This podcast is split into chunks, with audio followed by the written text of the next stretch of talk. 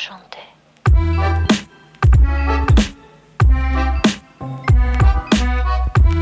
Vi säger varmt välkomna till Totski 5. Detta är en systerpodd till eh, Toto 5. Alltså ni som lyssnar, eh, ni har varit med förut tror jag, många i alla fall, när vi har gjort mästerskapspoddar, jag och Gusten, och då har vi hetat Tutski Balutski inför sommarens EM. Så eh, gör vi en guide helt enkelt och vi har valt att köra grupp för grupp där vi går igenom lagen. Och för att vara extra sådär pedagogiska inleder vi med Grupp A.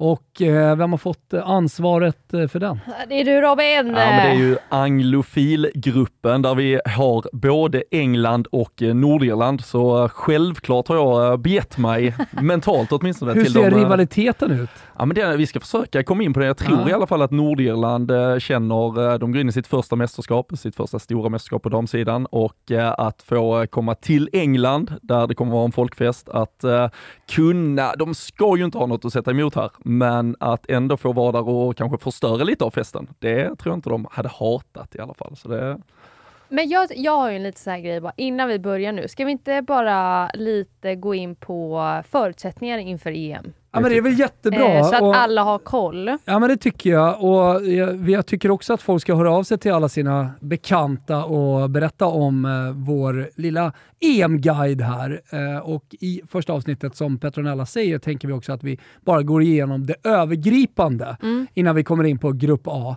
Eh, jag vet inte, det är du som har förberett det Petro, så jag tänkte, så här, nej, men jag tänkte bolla upp lite vad vi skulle gå igenom. Men, går till. men, Nej, vad, men, vad, eh, har vi, vad har vi för övergripande viktig information att ta med sig in i sommarens EM? Ja, nej men det jag tycker är viktigt är ändå att nämna att Nederländerna går in i turneringen som eh, regerande mästare. Mm. Vann 2017 mot Danmark i finalen med 4-2. Och sen året innan det, då, jag vet inte man bör, men 2013 så spelades ju EM på svensk mark. Eh, då var också finalen på Friends Arena, Tyskland mot Norge, där Tyskland vann. Det var också den eh, största publiksiffran någonsin under ett EM och som eh, man hade på den finalen på Friends.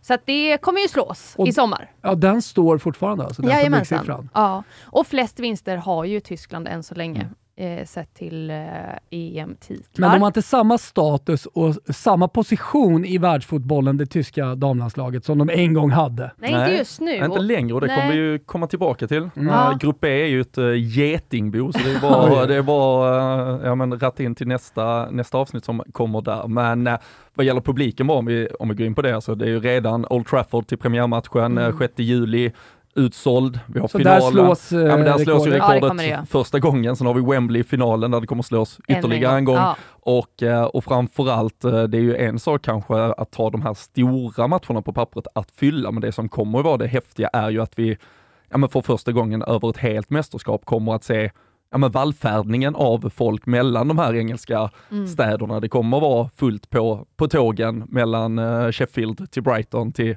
till vart man nu än ska. Så det är det här, eh, ja, det är en folkfest som Ja, och där kan jag då lite fylla på att mästerskapet nu i sommar kommer alltså pågå mellan den 6 till 31 juli på 10 arenor runt om i England. Det är ju precis som du sa, eh, Sheffield, dit kommer vi åka. Första Exakt. matchen när eh, England, eller vad säger jag, när eh, Sverige möter Nederländerna.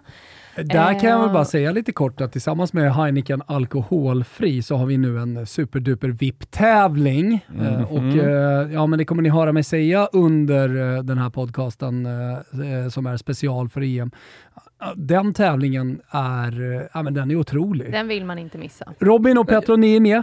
Ja, det Sheffield som lokala Jag hoppas- guider. jag hoppas det. Är du, tar, du på dig, eh, tar du på dig guidehatten då? Du Ja men är- det, det blir lilla engelska baskern och, och, och, Hur hela- är din engelska? Är det amerikanskt eller Ja, brittiskt? Den är ju tyvärr skaus alltså. vi, vi, vi, får se, Oj. vi får se hur den gör sig i Fan, Sheffield. värt Men- att bara åka av Ja. den anledningen, men det ingår ju då flyg, hotell, käk. eh, Ja, och få hänga med oss. Heineken 00s feta VIP-loge när man kollar på matcher. Ja, men det är en dunder. In på Heineken alkoholfrikampanj.se. Det är där man tävlar. Mm. Eh, fortsätt. Nej, och sen flera andra ställen runt om i England då kommer det ju spelas. Eh, det har ju varit rekordmånga lag, 40, 47 lag som har kvalat in till eh, EM den här gången. Nio grupper där gruppvinnaren plus tre runners-up eh, gick vidare och sen då England som var direkt kvalificerade för att de är eh, hemmanation. Eh, och sen har ju då sex andra lag kvalat in där Schweiz, Portugal och Nordirland då tog sig vidare.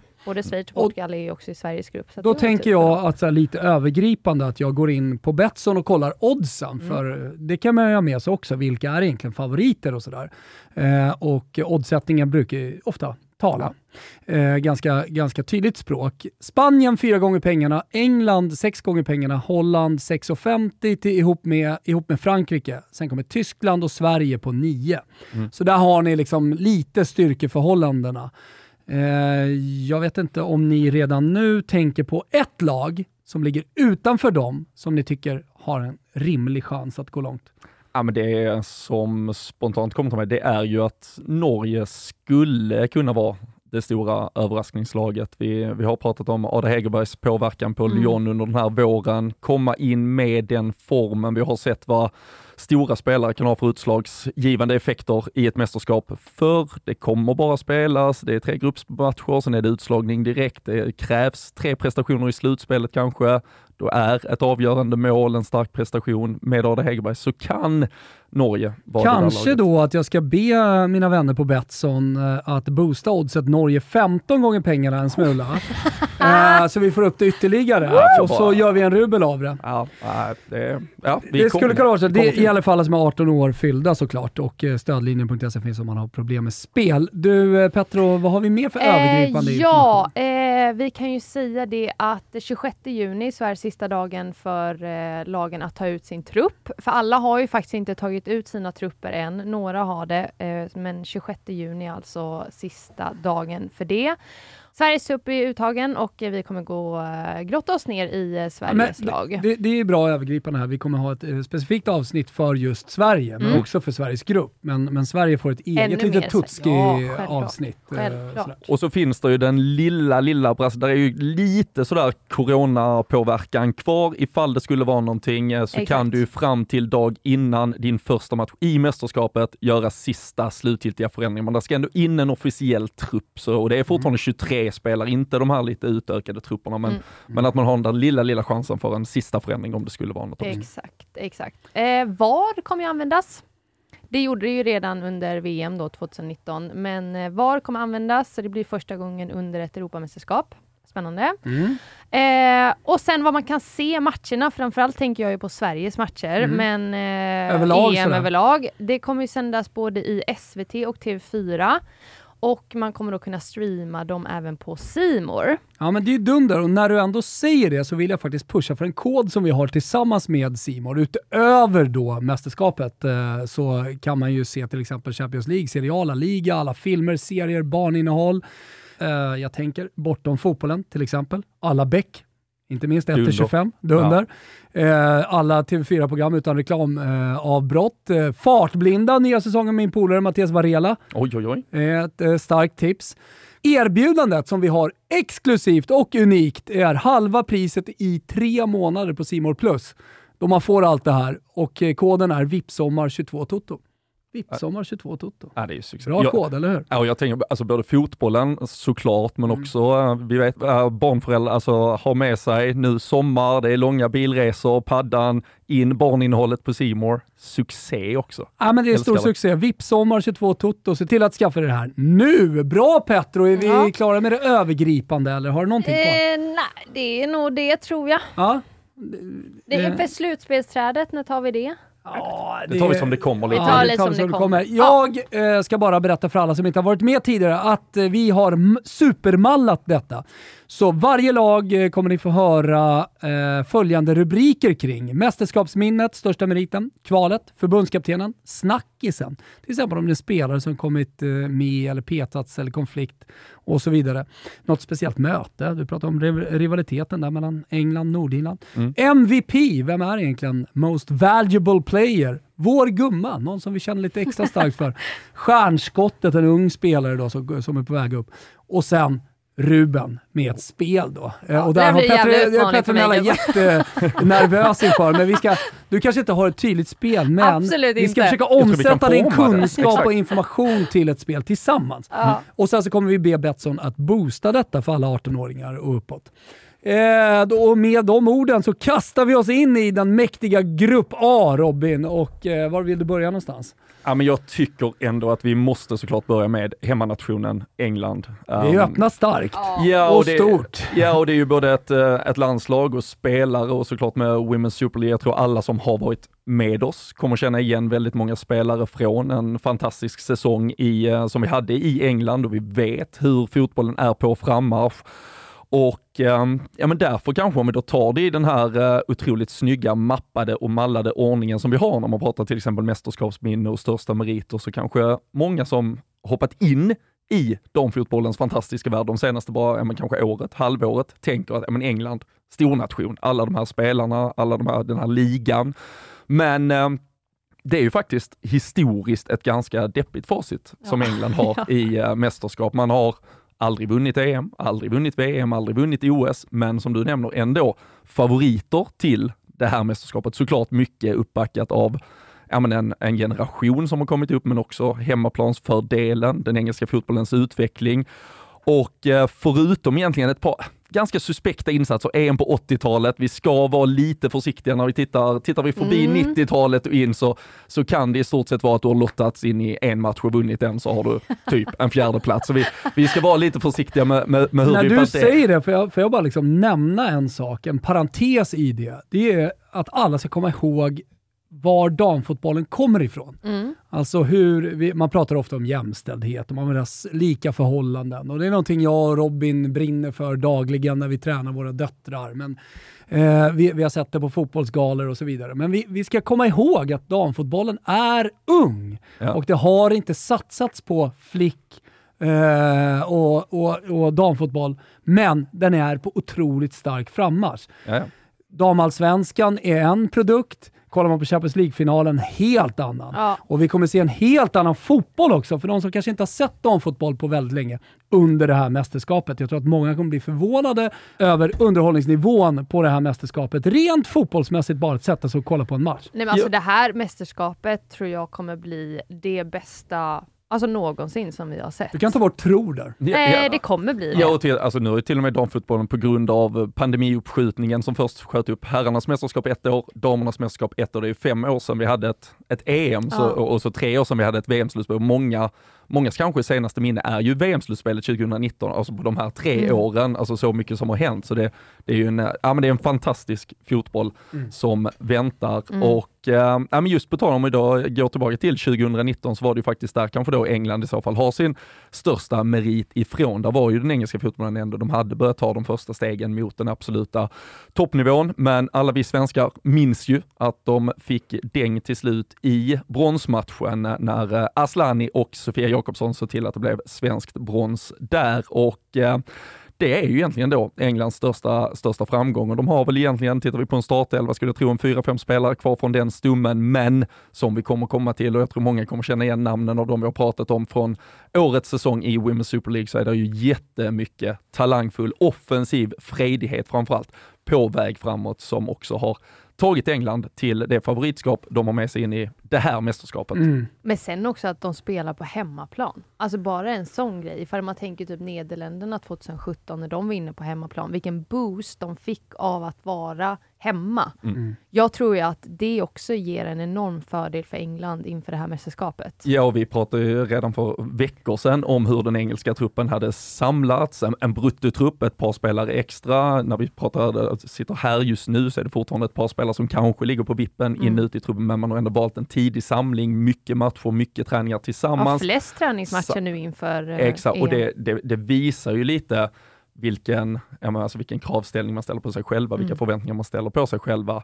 Och sen om vi går till kvalspelet, så som du säger, de behövde ju inte kvala, men de har ju visat i det rådande VM-kval som nu är istället, där de redan är klara för VM nästa år, att det här är ju ett engelskt landslag just nu som pulveriserar egentligen allt framåt. Uh, Ella Thun, Ellen White, bästa målskyttarna under kvalet nu, VM-kvalet då som de har- spelat med nio respektive tio mål och man har ju bara öst på, man har vunnit åtta av åtta matcher i VM-kvalet och uh, nej, det här är ju ett lag som går in med otroligt mycket självförtroende och man går in, på tal om Nederländerna 2017, så går man in med en förbundskapten nu också som vet hur man vinner ett Hon är så EM-slutspel. bra. Hon är Ja. så bra. Berätta. Nej men det är ju uh, Phil Neville känner ju säkert många till som tidigare under uh, ett par år ledde det här engelska landslaget. Men man har ju nu fått in då Sarina Wigman som, uh, lite snabb quiz, vet du vad hon heter i andra namn? Petronella. Åh, nej! Ja, Nej, gör jag det? Va? Jajamensan! Nu gillar jag henne ännu mer! Jajamensan, men, äh, nej, men som sagt, det är ju en, äh, ja, men, alltså hon var en tidig pionjär inom fotbollen för det första, redan som spelare, var över i USA tidigt, spelade där, gamla legendariska Mia Hamm, vill hon inte spela hon tillsammans med i slutet av 80-talet, men har ju sen då Galna Mia Hamm. Ja, alltså mäktiga jävla Mia Hamm, det ska verkligen sägas till, men Kom in i ledarstaben redan 2014 i det nederländska landslaget och sen då från januari 2017 så blev hon ensamt huvudansvarig och det är ju hon som ledde Nederländerna till den här segern i hemma-EM 2017 och eh, tog även laget till final i VM 2019, även om det blev då förlust mot USA där. Så, så här har ju England. Det var ju faktiskt en Phil Neville som lockades till David Beckhams Inter Miami och själv faktiskt lämnade den här rollen. Men det var ju en alltså blessing in disguise för engelsk eh, fotboll att, eh, att få in henne och kunna landa henne. För med, med henne med den engelska fotbollens frammarsch, med de spelarna de har just nu, så har de ett fundament för att jo, men tänk bli... att få göra det igen också. Ta sitt Nederländerna då till eh, final, vinna på hemmaplan och nu ha England på Mm. hemmaplan. Tänk att få vinna där också. Alltså det är ju eh, det är en riktigt bra tränare som eh, ska bli spännande att se för att hon har gjort väldigt mycket tycker jag med det engelska landslaget och eh, implementerat Mm. ett, eh, ja, men, så här, ett, ett spel, en offensiv, använt bredden på ett helt annat sätt än tidigare som hon också gjorde lite med Nederländerna och eh, den farten som England har i sin offensiv. Så, Är det det som kännetecknar hennes fotboll? Fart? Ja men det skulle, alltså, alltså alla vi som känner till holländsk fotboll, alltså det sitter ju någonstans i DNA. Jag skulle, de kommer att spela en 4-3-3 uppställning, det gjorde de med Nederländerna. Ser ut att göra det med England nu också. Vi har pratat mycket om de snabba yttrarna, Lauren Hemp, Ella exakt. Toon, Alessia Roos. Där, där finns massvis med spelare som kan gå in i den engelska offensiven. Så äh, det, här, det kommer att vara ett fredigt offensivt England som... äh, ja, som Inte hatar att gå in i dueller va? Nej, alltså det, det är ju ett, och det, de bygger ju väldigt mycket på en otroligt stark stumme. Om vi tittar uh, Lea Williamson, Mm. Millie Bright, um, Alex Greenwood som jag har pratat om som gjort en fantastisk säsong i Manchester City. Nu, alltså hon har varit mittback hela säsongen i City, kan behöva puttas ut till vänster. Lite Magda det. Eriksson Ja. i Sverige att uh, det finns så mycket Ja. bra uh, mittbackar i Där England. har man ju Steph Houghton också som Exakt. har varit skadad väldigt mycket under våren men som ändå blir nu uttagen och det säger också en del att vad viktig hon är. Mm. Ifall man nu kan ha henne redo till mästerskapet. Hur uh, lyder snackisen då? Finns det kanske finns flera snackisar? Man spelar på hemmaplan bland annat. Det är väl en snackis kring England. Hur hanterar man det? Men uh, är det någonting som har fastnat sådär extra på dig? Ja men det, det är ju framförallt folkfesten, alltså biljettförsäljningen, eh, intresset generellt från, från medier, från fansen, eh, alla spelare oavsett om du ska representera det engelska landslaget eller alla spelare som kommer, som sitter nu och väntar på en trupputtagning i, i alla de här landslagen sitter ju och bara hoppas på att få bli en del av det här ja, men historiska mästerskapet. Så det, det är såklart det, men också som vi var inne på, den, den, det offensiva England, alltså återigen Lauren Hemp eller att det, det kommer vara ett England med, med fart, finess som kommer försöka göra det som herrarna inte lyckades med hela vägen förra året och vinna EM på hemmaplan på Wembley. Spännande! Gåshud! MVP i detta härliga, fröjdiga, det offensiva, duellspelande England då. Vem har du valt? Ja, Eller men- vem är det? Ja, men för att allt det här ska funka ändå så krävs det den stabila stummen och eh, vi nämnde, du nämnde Steve Utan, Millbright, Ellen White, många spelare som har turats om en kaptensbindel. Det finns mycket, det finns de här rutinerade eller spelarna genom egentligen hela truppen och laget. De har tagit ut en lite större bruttotrupp just nu, vi får se exakt, men jag tror det är Lea Williamson som ändå kommer att vara spelaren man kommer att bygga. Har, eller kan spela både på defensivt mittfält eller gå ner i backlinjen. Vi har pratat mycket om hur Arsenals säsong gick lite upp Hon och är ner. Arsenal-spelare. Exakt, och, eh, och där hur de stundtals med henne ser ut som ett lag, utan henne ser ut som ett annat lag. Och eh, det, det kommer handla mycket om att England får den stabiliteten, också med det publiktryck och, och favoritskap de går in med så kommer det krävas en Ja, men det kommer krävas rutin och ett lugn för att sen låta alla de här andra delarna ja, men explodera offensivt. Så Leo Williamson för mig är ändå den som kommer vara nyckeln för att hålla ihop laget, spelskicklig, dominant, tar mycket ansvar. Det har varit de här skadeproblemen. Är hon kvitt dem, är hon helt redo, då, eh, då kommer hon vara eh, och, och har också uttalat fått kaptensbindeln på förhand med tanke på i den här konkurrensen. Många så att säga andra kaptener finns i laget, men hon är uttalad kapten när vi väl går in i detta. Underbart! Eh, stjärnskottet då? Ja, stjärnskottet, det är svårt att välja en. Mm. Uh, där finns, finns några. Ja, men det, det absolut. Uh, Lauren Hemp, Ella Toon, Alessia Russo, Chloe Kelly, Georgia Stanway. De har en drös spelare på ja, 22-23 år gamla allihopa. Det, det, är lite av de här spelarna Det är svårt att välja en där. Ja, för det, alltså, det, det är inte heller inte en så här uh, Wayne Rooney, alltså det är ingen så här en 17-åring som exploderar Nej. utan det, det är Theo Walcott liksom, Nej, eller Wayne precis. Rooney eller uh, uh, Michael Owens. Nej, det, det, är inte den nivån, men som sagt snarare en stumme då av de här 22-23 år gamla spelarna som, som har varit stjärnorna och återigen, det, det är de här många känner igen oss, hört oss prata om och, och älta hela, hela Men vem våren. gillar du bäst? Ja men det är ju vår gumma. Jag gillar bäst och det tror jag att ni kan gissa vem det är faktiskt. Kan det vara Lauren Hemp kanske? Det är Lauren ja. Hemp. Eh, det är ju, jag vet inte om vi ska dra men lite Johanna Rytting Kaneryd mm. på svensk eh, manér liksom. Hon, hon kör sin grej kommer att, ja, men hon kommer att uh, stjäla mycket uppmärksamhet. Det kommer vara kring henne, det händer de absolut mest. Underhålla publiken. Exakt, exakt. Och här finns ju möjligheter, Österrike, även då Nordirland, om de mm. får ursäkta här så finns det ju chanser för England att eh, kanske addera både liksom 3-4 och 5-0 i någon av de här matcherna. Och då kan jag tänka mig att en sån spelare kommer eh, hon kommer fånga kamerans eh, Nej, men alltså, Bara kolla liksom målformen hon är i nu i slutet av eh, serien. Där hon alltså gjort sju mål på sex matcher, gjorde två mål mot West Ham, sen har hon gjort mål i varje match. Mm de sista matcherna här nu innan serien avslutades, gjorde också två mål mot eh, Nordirland. Alltså det är ju, ja, det, det ska bli skitkul att få se henne i det här mästerskapet, bland många andra. Precis Men det känns överlag som att det ska bli kul att se England. Ja. Alltså dels ja, eh, såklart alltså, bra kolla, tryck jag, på jag blir också här, vilka ska de ställa upp med? Alltså vilka ska, mm. vilka ska starta liksom? För att mm. de har så mycket bra spelare och ifall Gerhardsson pratar mycket om så här startelva, slutelva, Englands slutelva kommer ju också vara hur bra som helst. Alltså det kommer bli jobbig. Ja, och där, jag, jag vet alltså jag tänker kanske att de ändå går med Ellen White eh, centralt ja, för att sen ha Lauren Hemp och antingen Ella Toon eller att man kanske spelar Beth Mead där uppe. Ella Toon kan spela lite bak, men oavsett, återigen, vad de väljer, vilka alternativ som finns på bänken. Det, ja. och, också kanske den fördelen att då kunna rotera lite i gruppen mm. redan, eller växla. Spelare kommer jättefräscha in, man får visa upp sig inför ett slutspel och så växlar man upp det där. Så. Jag kommer ihåg White eh, senaste mästerskapet VM. Alltså mm. det, hon var ju hur bra som helst. Det mästerskapet gick ju också till City efter mm. det. Eh, så det är ju en spelare som är väldigt rutinerad och som jag också tror med tanke på MVP, hon skulle också kunna varit i den kategorin Absolut. för att hon är otroligt viktig för det här laget också. Ja. Men eh, då tänker jag att vi ska summera lite då England eh, och allting som har sagts. Jag hör ju, det kanske blir mycket mål. Eh, jag hör ju att Robin såklart har en stark tro på England, så vad blir då Ruben? ja, men det, det, blir ändå bara att England går till final. Ja, det är jag, så? Ja, jag, jag tror de går till final, men kommer de klara pressen på Wembley sen när det väl ska avgöras? Och så är det ju det där lilla Sverige-hjärtat som ändå bultar ja. att uh, vi ska lösa det till slut. Vi är på varsin sida, så tidigast Sverige och England kan mötas är, är eventuellt på Wembley med 90 000. Mäktigt, och alltså, vi kommer vara där!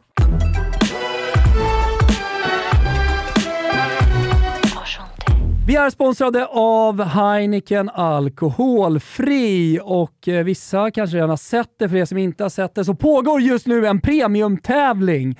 Det handlar om att man ska köpa två stycken Heineken 00 och sen ska man ladda upp eh, kvittot på heinekenalkoholfrikampanj.se. Det är hur enkelt som helst och man tävlar om en superduper premiumresa. Flyg, hotell, mat. Det blir en härlig tid i Sheffield med Sverige mot Holland, alltså öppningsmatchen i damernas EM i sommar. Var sitter man då på arenan? Ni tänker att det är några skitplatser? Nej, ni. Det är i Heineken Alkoholfrias VIP Lounge. Jajebuxingen, man sitter så premium man bara kan göra. Så passa på nu när den här kampanjen rullar. Heineken alkoholfri kampanj.se är det som gäller. Tjacka två stycken Heineken 00 Ladda upp kvittot så är ni med och tävlar. Det kommer bli hur fett som helst. Vi säger stort tack till Heineken Alkoholfri.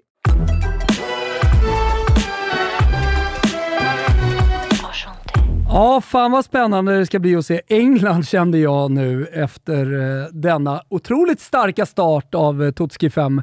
Eh, men det är dags att gå vidare.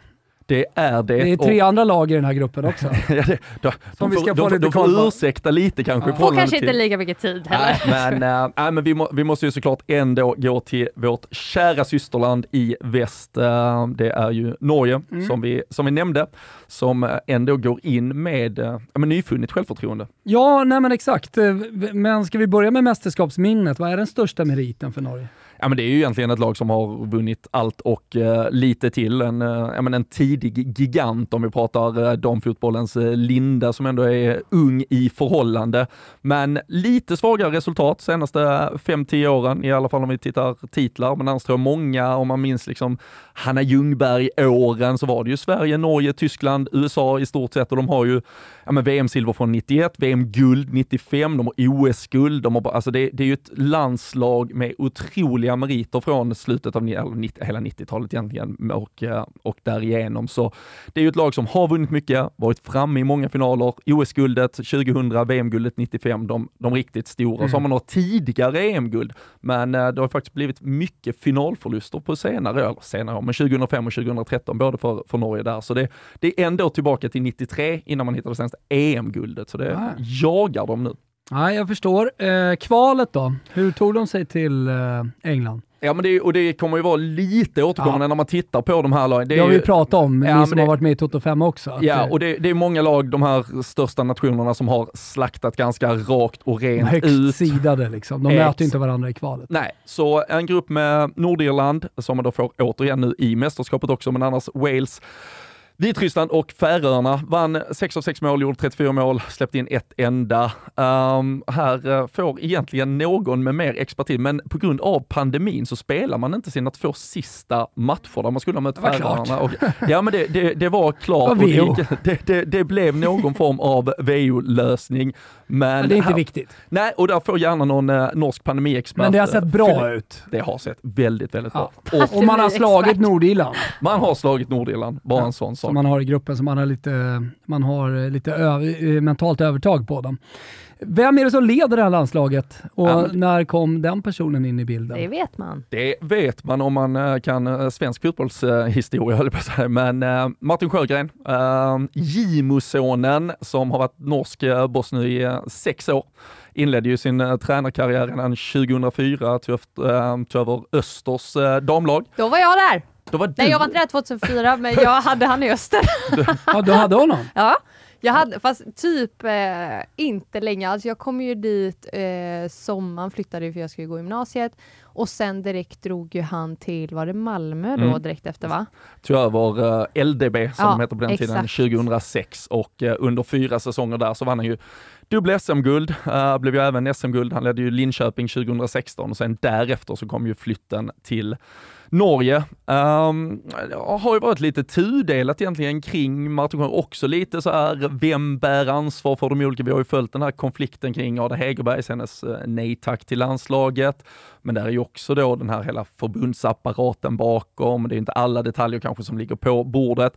Så han har ju varit lite offer kanske för omständigheter också med att Ada har valt att bojkotta landslaget. Så han, det är ju först egentligen, tittar vi i mästerskapssammanhang, så är det ju först nu han får chansen att utnyttja den fulla potentialen i det här norska landslaget. Där är ju en stumme spelare födda 95-96, de är ju 26-27 år gamla, den perfekta åldern kanske vi ändå får argumentera för. Så att några mästerskap kanske kommit lite för tidigt och nu går man då in i ett mästerskap med som vi kommer att återkomma till, spelare som spelar i de absolut största klubbarna på flera positioner ehm, och ett eh, landslag som ehm, har potential. Som sagt, vi var inne på det tidigt att det kan vara för mig är det inte ens riktigt bubblaren, men jag, jag, jag känner mycket Ja, för men det här norska oddsmässigt så landslaget. kan man ju verkligen tycka att det är en bubblare, för de nämns inte som en av eh, huvudkandidaterna till att eh, vinna. Vad säger du om eh, förbundskaptenen? Eh, jag fick en väldigt bra känsla av honom, kommer jag ihåg då i Öster när jag kom dit. Riktigt, riktigt bra. Då var du inte gammal. Eh, då var jag inte gammal. Men och sen, sen har det ju gått lite upp och ner som sagt för honom. Han har ju lyckats, eh, men är väldigt hård. Det är min känsla. Ja, och det, jag vet inte, jag kan inte det, det, det, hur, hur, du skolades i öster, men med de här förutsättningarna han har mm. nu, får han ihop detta så, så har han som sagt möjlighet. Och jag tror det också först nu efter det här mästerskapet man kommer kunna utvärdera det ordentligt ifall eh, han är rätt man att fortsätta leda Norge framåt. Men, men, och det är ju verkligen, alltså sett till spelare som man har i truppen och den formen också som väldigt många av mm. dem har och i de lagen som de spelar, så det är ju en riktigt bra trupp och speciellt startelvan. Mm. Eh, sen så ska ju alla liksom prestera på topp och det ska funka och så, men att få in Hegerberg där också Eh, vad, vad, är det för, vad är det för formation han brukar spela? Ja, han har varierat det rätt mycket mellan en 3-4-3 och 4-4-2 här, i, här i kvalet. Uh, spelar han 4-4-2, det gjorde de i sista kvalmatchen här när, uh, VM-kvalmatchen då här i våras när uh, Ada Hegerberg gjorde comeback mot Kosovo och gjorde hattrick direkt. Och, uh, men då, då, spelade de till, då spelade hon tillsammans med Caroline Graham Hansen på, på topp i en 4-4-2.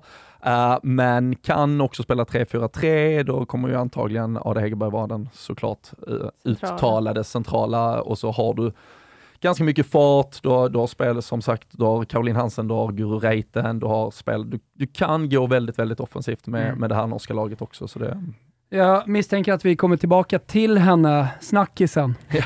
ja, ja, men såklart. Och där, man kan ju välja att fokusera på, på att Ada Högerberg gör comeback, men också då hela egentligen den norska förbundsförändringen som har skett i form av att Lisa Klaveness eh, kliver in som förbundsordförande. Jag hoppas och tror att eh, alla har sett eh, henne redan göra sin röst hörd på den absolut största scenen när hon kliver in på ett Fifa-möte några veckor efter hon har blivit eh, utvald och det var väl Haitis eh, förbundspamp eller något som satt och buade ut henne för att hon pratade om eh, mänskliga rättigheter ja. och folks lika värden. Men det är ju en frisk fläkt i det här gubbiga, pampiga, trötta jävla Fifa-rummet som annars känns som att det bara luktar liksom mutor och... Det kommer liksom en havsbris och bara får ut massa nej, men bara det, att hon, bara det att hon går upp och säger de här grejerna på scen framför alla, precis kommit in i norska fotbollsförbundet, men har ju också meriter som spelare och har varit en jättebra fotbollsspelare. Att göra det, det säger väldigt mycket om eh, hur hon är som person och vad hon står för. Men också känns det ju som att hon är en stor del i att Hegerberg också har kommit tillbaka. Mm. Ja, och det, ja, det, det var ganska uttalat egentligen. Det minns jag redan i höstas när vi började prata, när det började sippra, att mm. vi, vi får nog till den här förändringen på förbundssidan. Så det har ju varit både för norsk fotboll och förhoppningsvis i, i, i kölvattnet kanske för internationell fotboll, att uh, hennes röst kan väga tillräckligt mm. tungt för att få andra att förändra sig. Och eh, en snackis till är ju att Ada är tillbaka såklart, såklart. också. Eh. Men, men också lite det som Petronell innebär, att man faktiskt har en, en generation spelare nu som lite måste bevisa. De, de har lite kunnat ursäktas av att Ada Hegerberg har saknats, men alltså pratar vi ändå som sagt, Caroline Hansen, Guru Reiten, Frida Manum, eh, Ingrid Engen, Julie Blackstad, Vilde Ries. Alltså, där finns spelare som spelar på de absolut, i de absolut största klubbarna runt omkring i Europa. Mm och eh, ja, som sagt, perfekt ålder för att få ihop detta och där är som sagt lite tid sedan det norska fotbollsundret gjorde något stort. Så nu får det vara dags. För... Jag tänker på MVP och då tänker jag nästan på frågan som vi brukar ställa i faktarutan i Toto Balotto. Om du inte får nämna Messi eller Ronaldo, så var det ju i alla fall förut. Exakt. Eh, vem, vem är då världens bästa fotbollsspelare? Om du inte får välja Ada Hegerberg, vem är då MVP i Norge? Ja, För hon är väldigt självskriven. Hon, hon, är självskriven och därför tänker vi, vi hade ju kunnat då ta det till vår gumma istället ja. som är en spelare. Ja men det kan vi göra, vi kan sätta ihop de två här. Ja och där är ju en spelare som, eh, som jag har förälskat mig i uh, de senaste månaderna och det är ju Guro Reiten ja. i uh, Chelsea, en spelare vi har hyllat väldigt, väldigt mycket. Uh, spektakulära, vikten, vi pratar om Lauren Hem som en spektakulär spelare, men Guru Reiten, tittar du ett highlights-paket på målen hon gör så har du ju också underhållning för en bra tid framöver och eh, ja, men gjorde bara ett mål på 19 ligamatcher förra säsongen, sju mål på 21 denna, så har jag också tagit ett kliv där med liksom en slutprodukt, farlig på fasta situationer, kommer kunna vara en spelare som, ja men lite då bakom den offensiva stjärnformationen kan vara den som eh, ändå dunkar dit några från Norge. Så jag, henne kommer vi följa och heja på så in i helvete. Ja, eh, och eh, stjärnskottet, för jag misstänker att Norge har några unga spelare också. Ja, och nu är det ju, nu är truppen uttagen när vi, just den norska truppen är ju Aha, faktiskt uttagen, så, så det, det, var väldigt uh, positivt att se att Celine Bisset Ildushöj och eh, norska, eh, därför också norska eventuella språkexperter eh, hjälpa till. Men eh, född 01, 20 år gammal, tillhör PSG, Mm. spelat fem landskamper, gjort fyra mål, eh, spås ju bli liksom the next big thing. Anfallare såklart. Eh, I ett ganska deppigt Algarve Cup för Norge var det hon som stack ut, gjorde två av fyra mål, eller två av tre mål för Norge där. Och nu är det ju såklart då lite offer för omständigheter. Ada Hegerberg kommer in. Kommer hon få många minuter? Ja, kanske, Kanske inte. inte. Men det kommer ju vara inhoppsmöjligheter mot ett Österrike, mot ett Nordirland. Peta Har vi sett bra. förut hur inhopparna stjäl showen så att säga i mästerskap. Exakt, exakt. Men ändå, det är väldigt kul att ha någon som ändå är klart ändå yngre än väldigt många i den konkurrensen. Kan sticka ut, kan vara en liten joker här. Så äh, nej, Norge har ett stjärnskott med sig till den här. Håller du med Robin här? Stjärnskott, absolut, håller med om det. Eh, sen tycker jag, vill jag in Caroline Hansen någonstans också. Mm. Spelar i Barcelona, otroligt bra. Ifall vi pratar om Reiten på andra kanten så är ju Hansen på högkanten har ju varit eh, fantastisk eh, under året också med Barcelona. Besitter en fantastisk teknik och eh, gör det där oväntade och tycker jag är väldigt bra på att slå sin motståndare en mot en offensivt. Och hittar också väldigt fin instick eh, in i straffområdet. Eh, sen vet jag inte ifall man ska Nej, jag vet inte riktigt vad man ska ha henne på, för hon är ju inte riktigt kanske den MVP då, men någonstans däremellan, vår gumma och MVP typ. Men du Robin, Ruben! Det är såklart att Ada Hegerberg vinner skytteligan. Hon kommer gå rakt in och göra i alla fall hattrick i en av matcherna Oj! mot Österrike eller Nordirland. Skulle också kunna vara Ruben att hon gör ett hattrick i gruppspelet. Det kan, eh, det kan Betsson få titta på vad de tycker är roligast, men jag tror det kommer dundra på med mål redan i gruppspelet och då har hon lagt, eh, ja, då har hon lagt en varm hand på att hon eh, tar den där guldskon när allt väl avslutas. Så Ada Hegerberg, att eh, vinna skytteligan eh, tror jag kan vara ett kul spel att jobba in. när du har jobbat med Norge och liksom, eh, nu- nu- många positiva delar, så här, man, känner, man känner faktiskt lite starkt för det där Mm. spelet, eh, Ja, eh, att Norge kanske kan gå till och med hela vägen. Men vad, vad ser du för svagheter eller hinder? Liksom? Ja, men det, det stora hindret egentligen är ju faktiskt eh, spelschemat och lottning eller eh, slutspelsträdet rättare sagt här där vi har skulle man inte vinna gruppen, Men säg att England vinner då. ja vinner England gruppen så är man tvåa här, då får man vinnaren i den gruppen som har Spanien, Tyskland och Danmark. Sådär ja.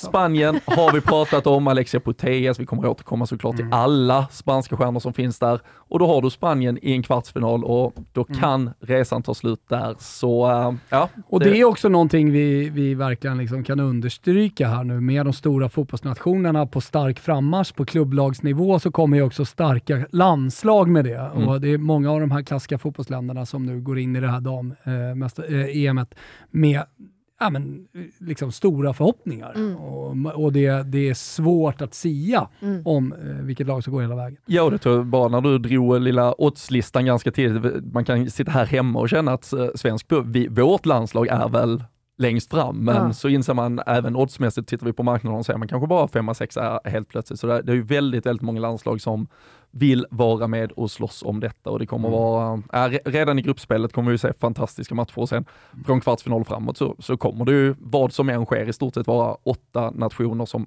alla egentligen kan vinna mästerskapet. Mm. Jaha, det var Norge. Känner du att du har koll nu Petter? Ja, jag har koll, jag har koll. Ja, man har precis så mycket koll. Ja, det är helt jävla grymt. Men eh, man har precis så mycket koll som man behöver. Mm, Det exakt. behövs inte så mycket mer.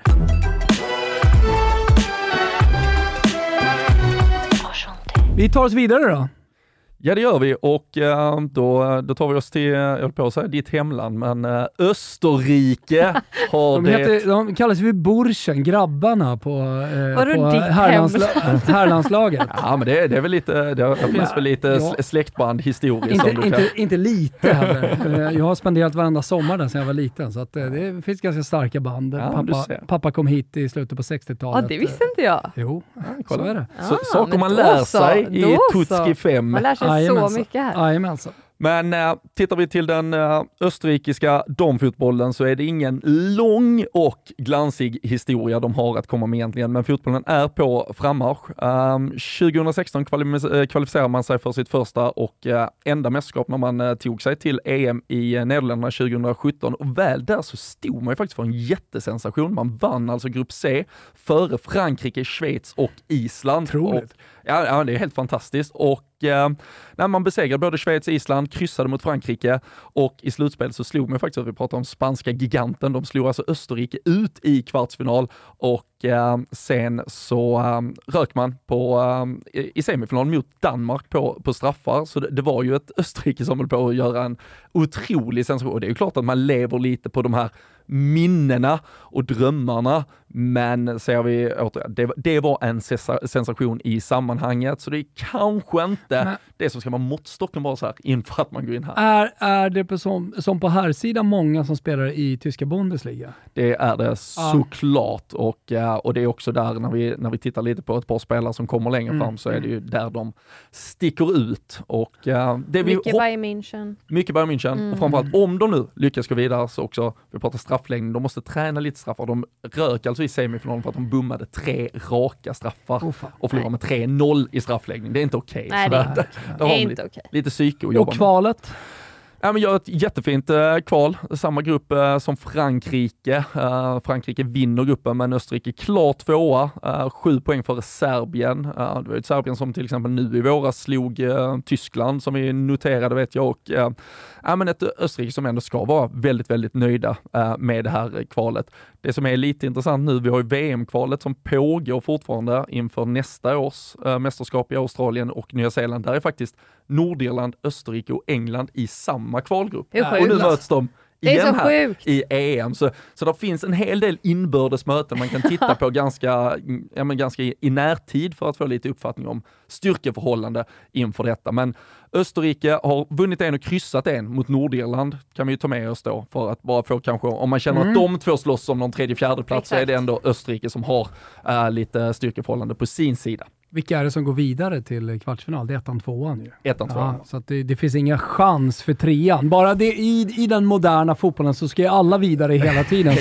Men här är ettan, tvåan klassiskt. Ja. Och direkt in i kvarten. Mm. Det, det, det, ska man definitivt ha med sig. Jag gillar det. Eh, Okej okay då, men eh, vem är det som leder eh, Österrike? Det är Irene Furman och eh, det är en tidigare spelare, eh, gjorde i och för sig bara en handfull landskamper i början av 2000-talet. 41 år gammal, eh, varit i förbundets organisation sedan hon la skorna på hyllan 2008.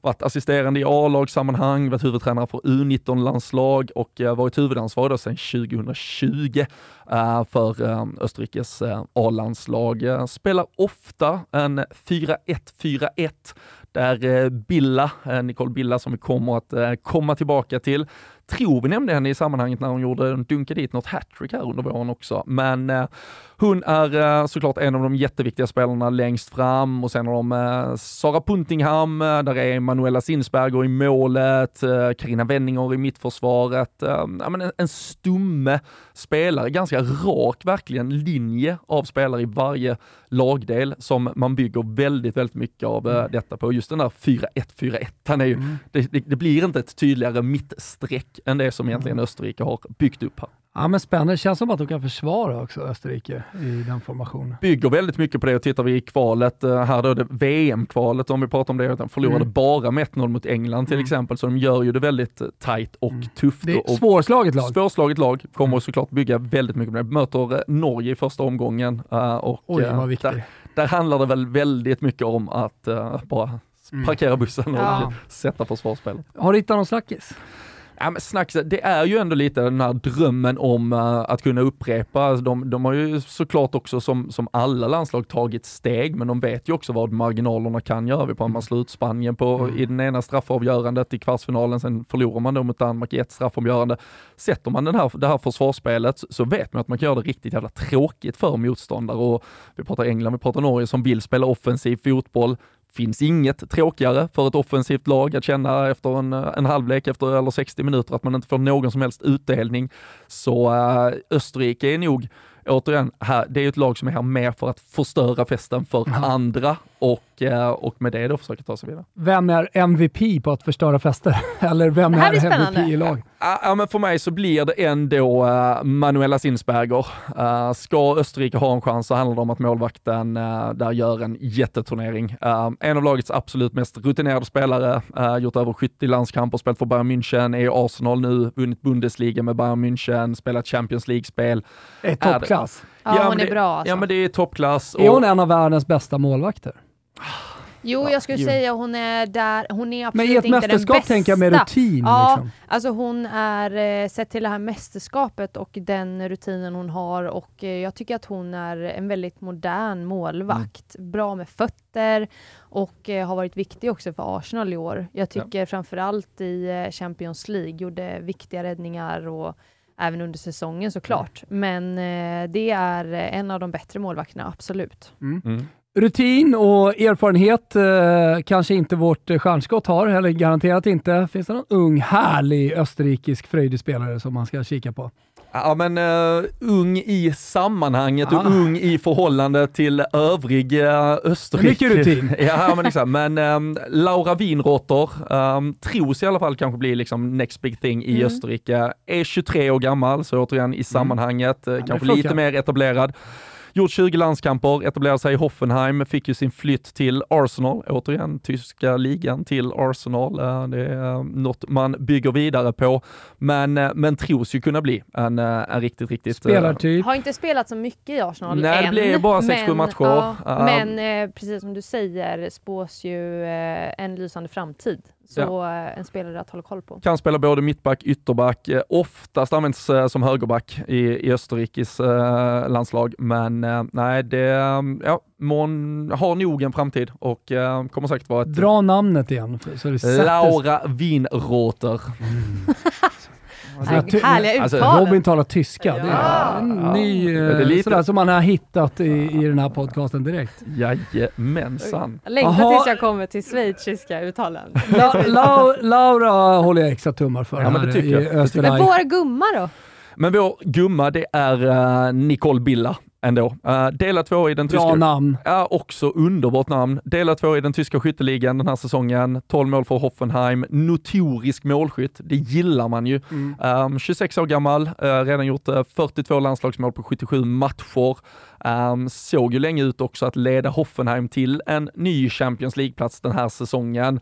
Uh, Petronella höll ju oss alltid uppdaterade på den tyska tredje, fjärde platsstriden. Det är bara att spola tillbaka så har ni allting om eh, Frankfurt och Potsdam och gängen där bakom. Men eh, Ja men uh, har chansen eh, här ändå att få, få lite revansch då för klubblagssäsongen. Alltså, mål, man gillar ju målskyttar återigen, alltså jag, jag är svag där så jag, jag känner ändå att eh, hon kan bli vår gumma. Gjort 10 mål i det här nuvarande VM-kvalet också så är ju spetsen för det här Österrike. Så det, Ah, ja, spännande. bli- Billa! Ja, men, ja, och jag har ju en då som jag, ifall det kan också vara en liten form av MVP, eh, Sara Sadrasil.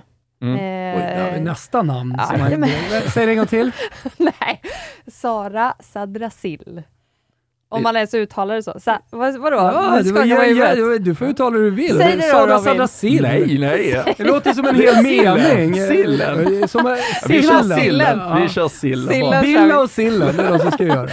Eh, nej men har ju gjort en riktigt bra säsong tycker jag i Bayern München Mm. i år. Gjorde sin andra säsong, kom från Potsdam. Innermittfältare, har styrt och ställt på Bayern Münchens eh, innermittfält och tror jag kommer vara väldigt viktig också Mm. för Österrike. Sillen Eh, och eh, Sillen Billa och Billen. håller vi koll på. Och om vi liksom kokar ner allt det här med kvalet och ja, men hur, hur de har sett ut, eh, ramstarka och alltihopa. Hur blir då ribben? Den blir ändå att Billa gör över 2,5 mål. Hon gör två mot Nordirland. och I varje match. Nej, men över 2,5 mål. De kommer nog bara spela tre matcher, men hon kommer vara stekhet när hon får chansen. Och Billa över 2,5 kan, mål. kan, kan komma alla mot Nordirland redan vet du, men annars kommer hon peta in en och ställa till det för något av de andra lagen också. Alltså så, över 2,5 mål kan vi ju sätta på hela mästerskapet eller? Det gör vi. Ja. Så nej, vi ska, vi ska jobba, Spännande. jobba vår gumma där. Ja, ja men verkligen. Det tycker jag var extra kul. Liksom, Mm. Att det är vår gumma Nicole Billa då, som ska göra över 2,5 mål eh, under EM.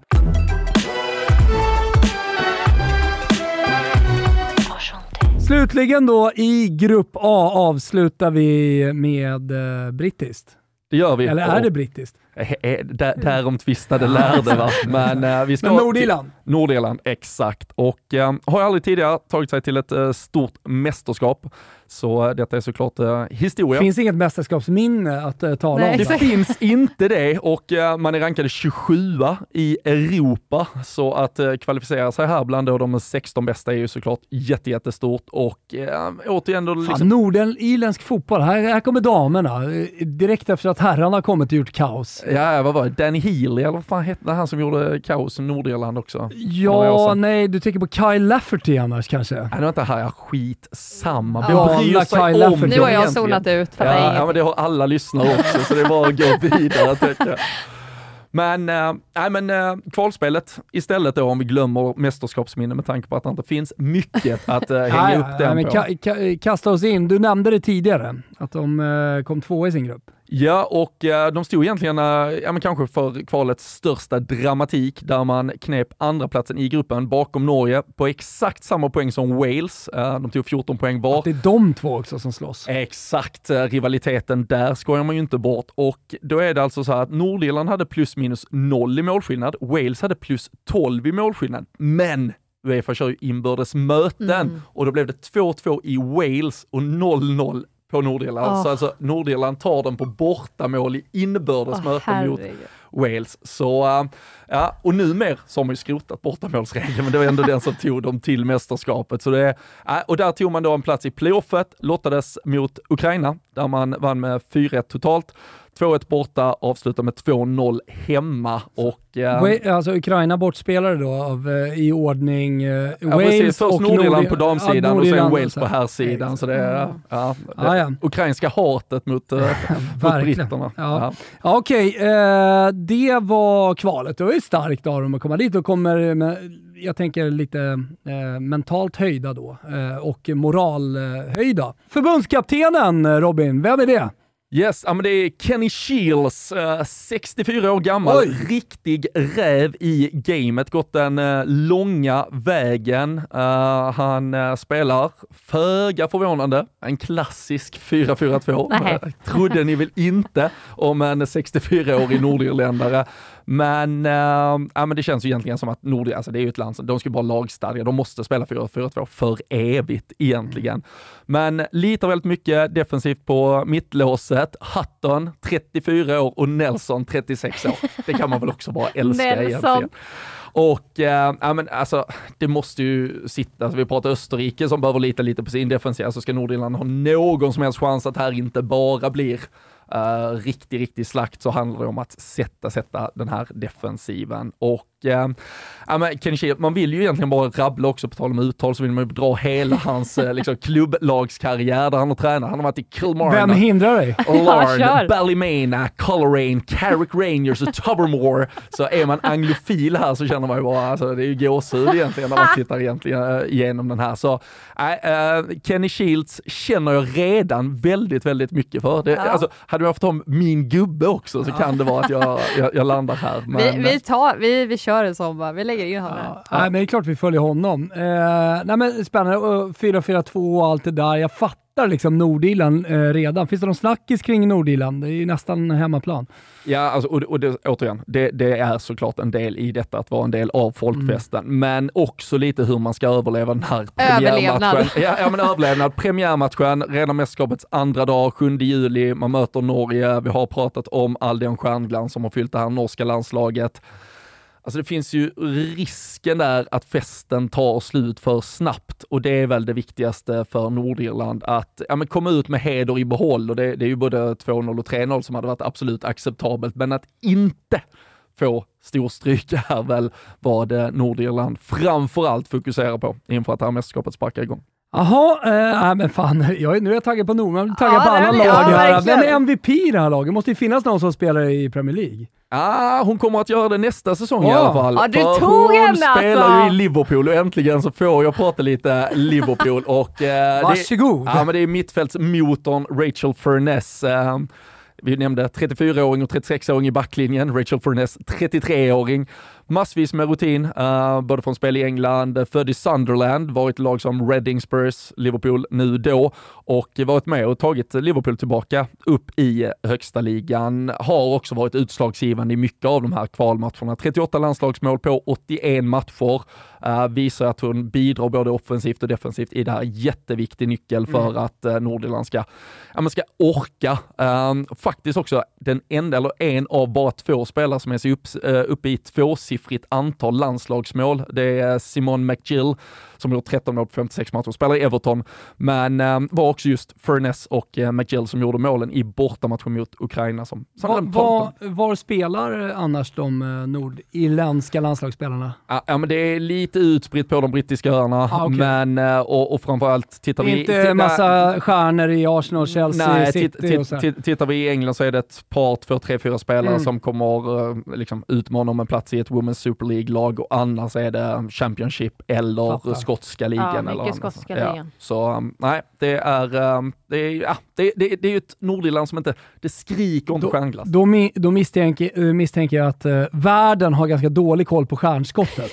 det är inget som uh, man har sett jättemycket av. Nej, och det är väl en ganska deppig tillväxt på spelarfronten, i alla fall om vi tittar vilka som har slussats in i landslagssammanhang. Alltså vi, det är en generation på, där är i alla fall troligtvis vad som kommer att vara 6, 7 eller 8 spelare över 30 plus i den startelvan man ställer ut till premiärmatchen. Och det yngsta vi kan skaka fram, det är ju egentligen faktiskt Chloe McCarron som, eh, hon är 24 år, gjort 11 landskamper och eh, ja, men det här är en, eh, alltså det här är ett landslag som det, det, får bära eller brista. Det här är sista dansen för hela gänget och sen, sen krävs det antagligen både att Kenny Shields tar sin 4-4-2, kliver åt sidan och så börjar vi om med någonting annat. Hon spelar ju också i Birmingham eh, ja. förra säsongen jag tänker att vi vet här, ju hur bra de är. Ja, ja, nej, men jag tänker också så här, sista dansen, att de liksom kan få ihop någonting. Det har vi sett förut, liksom. Eh, en bra stark grupp kan eh, ja, men komma ganska långt under ett mästerskap. Ja, och, och det är ju. De har ju missat eh, VM 2023, så det, det är verkligen sista chansen på landslagsnivå för väldigt många av de här spelarna vi, vi har nämnt. Så det, det är klart att de går in i mästerskapet, kommer vara det största alla de här gör egentligen på, på den här scenen. Så nej, det, det kommer vara ett Nordirland. Kommer inte sluta kämpa? Nej, det kommer de fasen inte göra i alla fall. Vem, vem är vår gumma då? Finns ja, vi, det någon skön? Vill, vill ni gissa om vi går tillbaka Magill, till min... tror jag. Nej, det, vi, vi, vi, vi, går tillbaka. Här är enda gången där jag går tillbaka till min MVP och, och har henne som alltså, min Det här är ju subjektivt. Det är du som väljer. Det är Robins okay. grupp. Ja men herregud, alltså får jag ha en Liverpool-spelare eller? ja, men, uh, Rachel Furness återigen. Hon är stjärnskott, ja, MVP jag och... Jag Furness. Stjärnskott är hon absolut inte. Men, nej, men alltså, det, det är ju fan också, alltså, hon är ju, har blivit um, prisad för BBC Sports Personality of the Year, alltså gjort väldigt mycket för fotbollen i landet generellt. Och eh, ja, gjorde fem mål, eh, fem mål här över två matcher mot Nordmakedonien i VM-kvalet eh, bara för ett par månader sedan. Hej, jag omfamnar henne. Jag lyssnar på dig. Alltså, ja, ja, landets bästa landslagsmålgörare genom tiderna, mm. både på herr och damsidan. Nu kom det, David Healy heter han, förlåt, det, jag sa fel innan, men eh, så det är eh, Rachel Furness som gjort flest landslagsmål i alla sammanhang, nordirländsk fotboll. Och hon rattar allting hon liksom, allt. centralt. Ja, hon är kugghjulet i hela England. Hon är ledaren. Hon, hon är, är vår gumma framförallt. Hon är vår jävla gubbe. Rachel Furness. Ja men underbar. Spelar hon i Premier League nästa år? Ja men det hoppas jag. Ja. Det hoppas jag. Så, så pass bra är hon Får vi se hur det här mästerskapet går. ja. Men du, uh, The Ruble. The Ruble, det är... Försökte säga det på, med nordirländsk accent men insåg att det blev någon finsk-norsk accent istället. The Ruble. Ja, men det, det är faktiskt att detta Nordirland tar noll poäng och gör noll mål. De går alltså helt Oj. nollade från allting i det här mästerskapet. Sådär, ja. Det kan vara liksom ett, ett, roligt. ett, ett, gult kort, men att de får, de får rådäng rakt igenom. Uh, ja, vi får se om det finns ett uh, spelvärde i det. Betsson får, får skaka till grejerna där borta, men uh, vi, vi ska ha ett gäng som bara kastar in handduken. De kommer inte göra det liksom inställningsmässigt, men uh, i resultatkolumnen så kommer det, det kommer vara deppigt när vi summerar Nordirland. Så Ruben? Noll poäng, noll mål. ah, den är underbar. okay. Uh, den är underbar. Ah, ja. Och det, det, här var alltså grupp A. Det var det. Vilken jävla fart in ja, i det här mästerskapet underbart. man fick här nu med, med bra sammanfattat Robin. Du, eh, annars om man ser på den här gruppen då eh, så kan man ju se framför sig England vinna, eh, Norge tvåa, de två gör upp mm. och, och sen så kanske då lite utmaning av Österrike. Ja, Nordirland ska ju som sagt eh, inte göra något mål och, och ja, då, då ta noll poäng. Då. Så att eh, då blir det väl Österrike på tredje plats där då. Ja, men det, alltså, vi har ju Norge-Österrike, ja, andra matchen i turneringen, men den första för båda lagen, den kommer ju vara super. Alltså, jag, jag håller ju återigen, Norge kommer lösa det, tror jag. Men ställer Österrike till det lite där, skapar ja, lite nerv, då börjar ju ändå Men Du pratar om Bayern München och Bundesliga-spelare ja, och tidigare mästerskapsrutin, när man det, gått långt. Alltså Österrike är ju farliga. Nej, nej för fan. Så det blir sjukt spännande där. Ja, fan vad roligt. Grupp A alltså, hur ser man allt det här då? Det har vi ju redan nämnt, men jag kan bara påminna då de som inte har Simon där man kan streama eh, EM. VIP Sommar 22 Toto. VIP Sommar 22 Toto. Det är bara att gå in på simor.se, kolla på våra sociala medier. Ser man till att skaffa sig ett simor abonnemang Petronella, du sitter och håller upp fingret här. För Robin har pratat om eh, premiärmatcher. Det är eh, annorlunda mot Nej, men England eh, premiärmatchar ju mot Österrike. Just det! Första matchen, den... Ah, ah 6 juli. Men man ja. kan göra missar ja. i sådana här. Alltså, det är inget konstigt. Det, det, är mycket info som ska liksom ja. Eh, dokumenteras. Så första matchen? Första matchen England-Österrike. Ja, smälltjockt. Den blir eh, smälltjockt. Old Trafford, ja. utsålt. Och, och eh, så har vi då andra matchen. Norge-Nordirland istället. Yes. Ja, ska, rätt det, ska vara rätt. Rätt ska vara rätt. Hörrni, detta har varit Tutski 5. Detta är en guide inför mästerskapet. Berätta för alla som inte riktigt har koll på damfotbollen och detta mästerskap mästerskap att det räcker med en knapp timme så är man med på precis allt. Ja, och man kan få favoritspelare redan innan man har börjat kolla. Underbart! Eh, vi ska vi säga tack eller? Tack, tack. Ja, tack för att ni har lyssnat. Sprid detta. Vi hörs. Ciao!